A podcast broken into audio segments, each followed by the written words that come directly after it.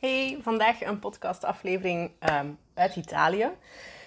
Um, het is veel te warm om buiten te zitten, dus ik zit binnen, maar de deuren staan wel open naar de tuin. Dus als je vogeltjes en krekels op de achtergrond hoort, dan weet je waar ze vandaan komen.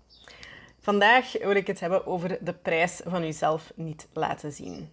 Um, een van de dingen die super vaak terugkomt in mijn gesprekken met coaches, bijna elke keer dat ik het, de eerste sessie heb van uh, mijn Flourish and Flow traject, komt dat wel aan bod, is de wens om meer klanten aan te trekken waarmee dat ze op dezelfde golflengte zitten, waarmee ze connectie voelen, waarbij ze zichzelf kunnen zijn, waarbij ze de ruimte krijgen om hun creativiteit de vrije loop te laten en waar die creativiteit door de klant ook echt diep gewaardeerd wordt.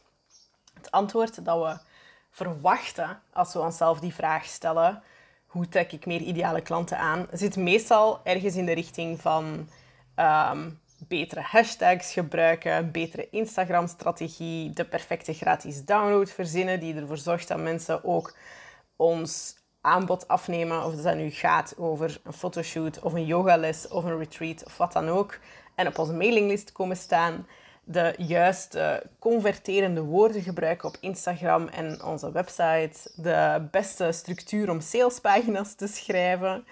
Um, dat soort dingen is meestal wat we verwachten. Dingen die we kunnen doen en die we direct in actie kunnen zetten. En waar daar gewoon iemand anders ons de juiste strategie voor moet leren en die dat we dan zelf kunnen implementeren. Voor hopelijk directe resultaten. um, maar de meeste van jullie en de meeste van mijn coaches hebben dit soort dingen dan allemaal geprobeerd en die directe resultaten die komen vaak niet, soms ook wel. Dat hangt er een beetje van af. Uh, sommige dingen kunnen voor u beter werken dan anderen. Maar over het algemeen is er bij mensen die, um, die bij mijn traject volgen nog redelijk veel frustratie rond dat stukje ideale klanten aantrekken. En de nummer één reden, volgens mij, volgens mijn bescheiden mening, waarom dat we klanten blijven aantrekken, waarbij we die ruimte niet ervaren, die ruimte om onszelf te zijn en die ruimte om onze creativiteit um, haar werk te laten doen, is omdat we onszelf die ruimte niet geven. Omdat we onszelf niet laten zien. En daar betalen we dus een prijs voor. Namelijk met klanten werken die eigenlijk voor ons niet de klanten zijn die we willen. Daarom is er niks mis met die klanten, want die kunnen voor iemand anders perfect een droomklant zijn. Dus dit is een zero judgment over die mensen. Maar dit is gewoon een vaststelling over dat een match dan niet helemaal goed is. Dat de connectie er niet helemaal is. Dat de golflengte niet helemaal op hetzelfde niveau zit.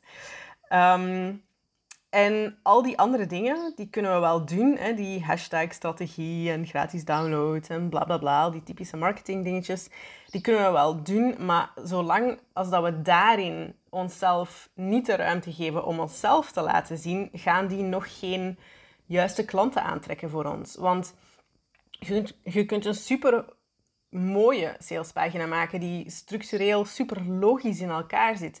Maar als mensen daar, de mensen die naar die pagina kijken, daar niet in zien wie dat jij bent en wat dat voor jou belangrijk is en hoe dat jij te werk gaat en ehm, welke creatieve ruimte jij neemt en verlangt en nodig hebt om het werk te maken dat je maakt, um, dan gaan de mensen die, uh, die downloaden of die op de Buy Now button klikken of wat dan ook, dan gaan dan nog niet de mensen zijn die jij eigenlijk wil.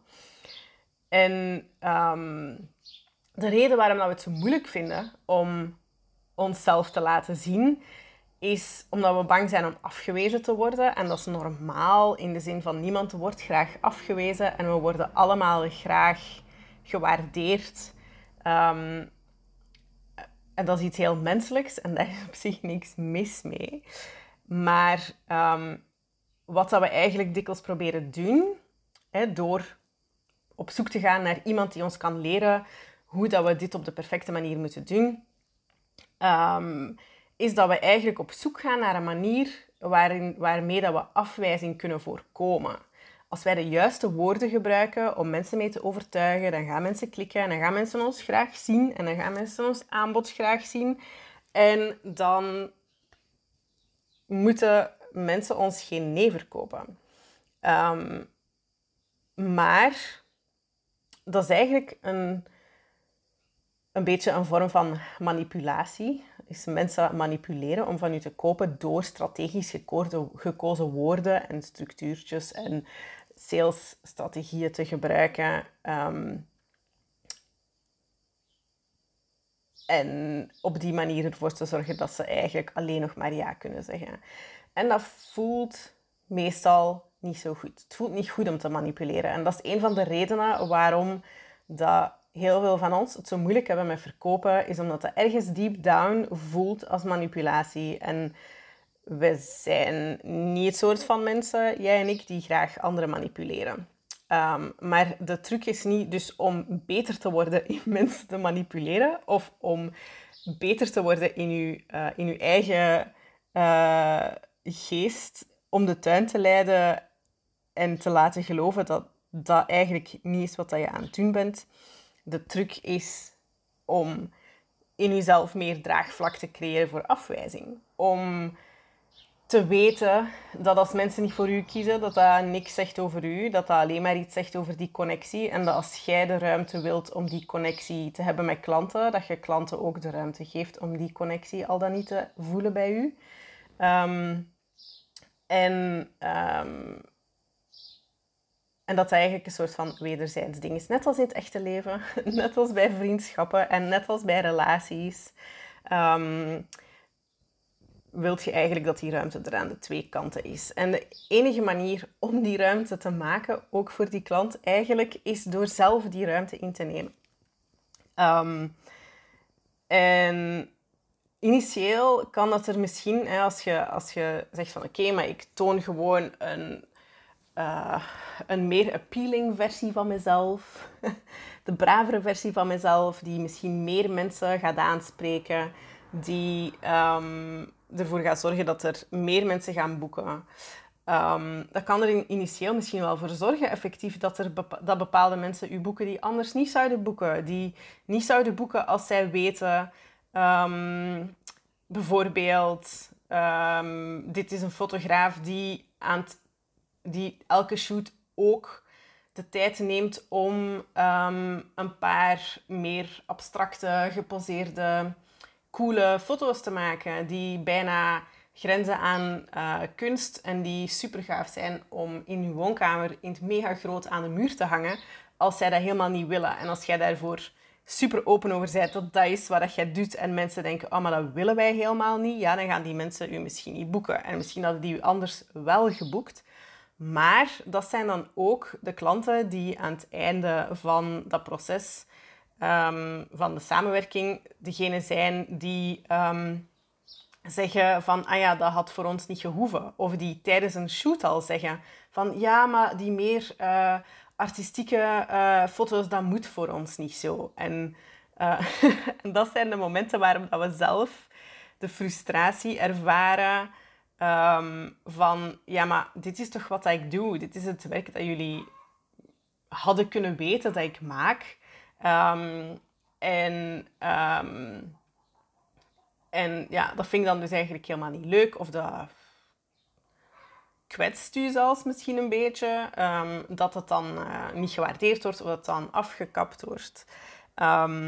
Op het moment dat we onszelf niet heel duidelijk tonen, eh, wat dat we nodig hebben en hoe dat wij werken en um, uh, wat dat mensen van ons mogen verwachten, als we dat niet heel duidelijk tonen, dan zorgt dat ervoor dat je een beeld hoog te houden hebt. Namelijk het beeld dat je gegeven hebt. Dat is dan het beeld dat je moet hooghouden. Je hebt verwachtingen waar te maken. Namelijk dat wat dat mensen verwachten op basis van de versie van jezelf die dat je toont. Ehm, misschien moeten we zelfs afhankelijk van hoe ver dat, dat beeld dat je toont afwijkt van de ruimte die je eigenlijk graag zou willen, moet je misschien zelfs actief delen van jezelf wegstoppen in contact met klanten. Ehm, dat er bepaalde onderwerpen zijn waar je misschien niet over mocht praten, van jezelf dan in elk geval. Um, omdat daar iets is wat mensen niet verwachten, of omdat dat iets is dat je nooit toont en omdat dat dus ehm, dan potentieel raar gevonden zou kunnen worden.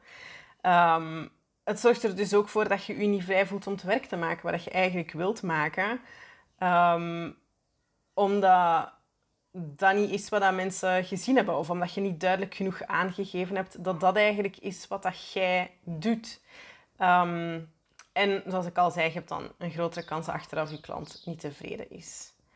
En de afwijzing die je krijgt als je jezelf wel laat zien in geuren en kleuren aan je klant voor ze boeken, die afwijzing die is veel lichter om te ehm, ervaren. Alleen dat vind ik in elk geval toch. En ik vermoed dat dat voor de meeste mensen zo is.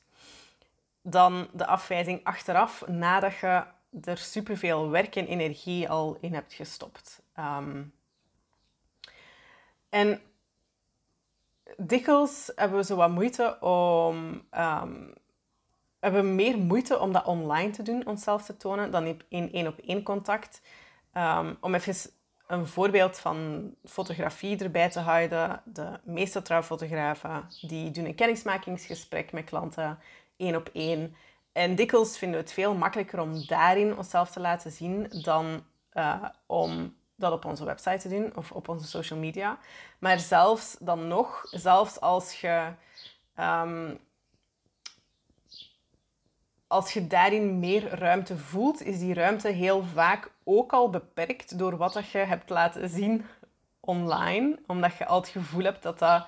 Uh, of omdat dat, misschien heb je dat gevoel niet, maar omdat dat onbewust toch ook al beperkingen oplegt van welke ruimte dat je zelf hebt om in aan te geven wat dat jij doet.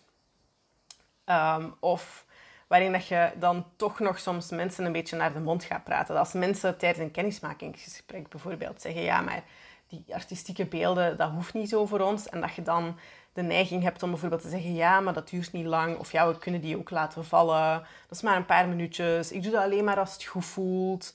Ehm, en dat je dan daardoor eigenlijk al op het moment dat je dan effectief de foto's aan het maken bent, al helemaal niet meer de ruimte voelt om dat nog te doen. Um, En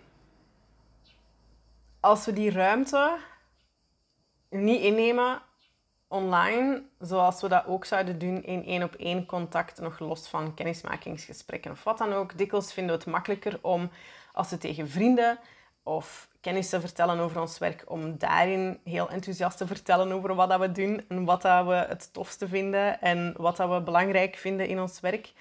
Um, als we dat als we dat niet doen, als we dat niet online ook doen, want uiteindelijk is social media in mijn ogen niets anders dan in real life contact. Het is een ander medium, maar human connection is human connection, of dat dan nu online of offline is uiteindelijk.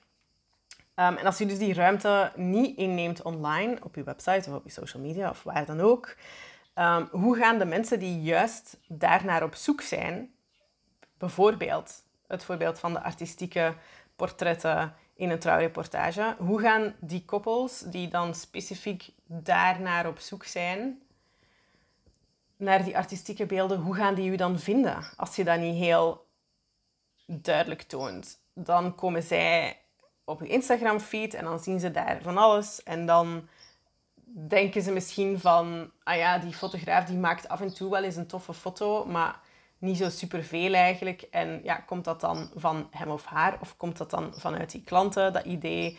Um, en dat kan ervoor zorgen dat ze dus misschien zelfs nooit op die buy-button klikken. Dus je hebt die, die ruimte die je voor jezelf inneemt, die heeft twee uh, positieve bijwerkingen, om het zo te zeggen. Allee, drie eigenlijk. Ten eerste, jij hebt gewoon ruimte voor jezelf. En ten tweede, de klanten die niet bij u passen, die worden zachtjes, liefdevol afgestoten.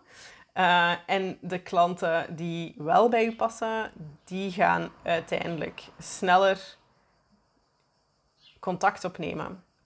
En dat geldt of dat nu over trouwfotografie gaat of over iets totaal anders. Um, dat geldt even goed voor voor coaching. Ehm, als ik alleen maar zou praten over de standaard dingen waar de meeste ehm, Instagram-accounts die tips geven voor online creative business over praten, dan zou ik helemaal opgaan in de, in, in de zee, in de coachessoep. Um, en zouden de mensen met wie dat ik eigenlijk wil werken, mij niet boeken. Want dat zijn mensen die dat niet willen horen of die daar een soort van raar, zweterig uh, buikpijngevoel bij krijgen. um, en dat geldt, dat geldt gewoon voor, voor alles. Of dat dan nu uh, over fotografie gaat of iets anders. Maar dat was gewoon een makkelijk voorbeeld dat ook in mijn coachinggesprekken aan de orde was. De laatste, uh, de voorbije weken. Um, en dikwijls beginnen we bij wie is mijn ideale klant. Als we onszelf de vraag stellen, wat, hoe trek ik meer ideale klanten aan? Dan beginnen we bij de vraag, ja, maar wie is mijn ideale klant eigenlijk? Um, dat is hoe dat traditioneel uh, gedaan wordt in, uh, in marketing. Um, maar hoe duidelijk dat je het ook hebt, voor u hebt, wie dat uw uh, ideale klant is, zolang dat je zelf niet zo goed weet wat dat is dat jij wilt doen, um, heb je daar nog niet zoveel aan. Ik heb niks tegen het hebben van een helder beeld van wie dat je droomklanten zijn. Totaal niet. Uh, maar creatieve ondernemers zijn geen grote corporate bedrijven. En als creatieve ondernemer, voor wie dat connectie, ik heb het al een paar keer gezegd, doorgaans een redelijk centrale understatement pijler is in ons werk, um, is het minstens even belangrijk en waarschijnlijk veel belangrijker om helder te hebben wie dat jij bent en wat dat jij wilt doen, wat dat jij nodig hebt, wat dat jij wilt brengen, um, op een manier dat jij er blij van wordt, um, wat dat jou drijft. En je mocht dus eerst jezelf leren zien en herkennen, zodat ook leren zien en herkennen en laten zien, zodat ook anderen je kunnen zien voor wie dat je bent, voor wat dat je doet, voor wat dat je ding is en, um, en herkennen.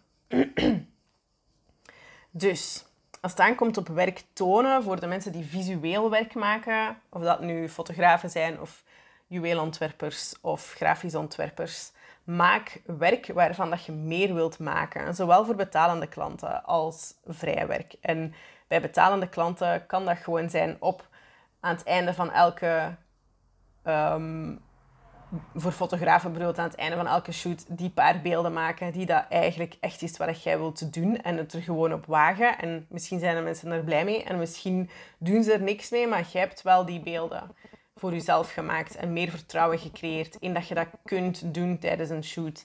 En dat dat goede resultaten oplevert en dat dat je voldoening geeft. Um, maar ook in vrijwerk bijvoorbeeld. Doe fotoshoots waar dat jij blij van wordt. Ontwerp dingen waar jij blij van wordt. Maak juwelen waar jij blij van wordt. Toon alleen maar het werk waar je meer van wilt maken. Overvloedig. Laat dat meeste plekje nemen op je website, op je Instagram feed. Um, ik ken superveel mensen die ook af en toe custom bestellingen of ontwerpen doen. Bijvoorbeeld als edelsmid. En die daar niet echt blij van worden. Daarom wil dat niet zeggen dat je dat niet hoeft te doen, afhankelijk van het punt waarop dat je zit in je bedrijf. Um, kan het super oké zijn om werk te maken waar je niet mega enthousiast van wordt. Je kunt daar ook super veel uit leren qua communicatie en qua boundaries zetten naar klanten enzovoort. Dat, is, dat kan super waardevol zijn, maar daarom wil dat ook nog niet zeggen dat je dat hoeft te tonen. Dus laat het werk waar je meer van wilt maken, de... Hoe zeg je dat?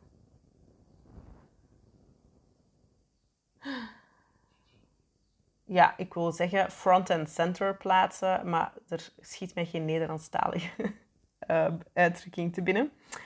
Ehm, en geef jezelf de ruimte om te experimenteren. Om dingen te proberen, om episch te falen, om massa's slecht en middelmatig werk te maken. Um, en om van daaruit telkens je eigen, eh, stap voor stap eigenlijk meer toe te groeien naar wat je meer wilt maken.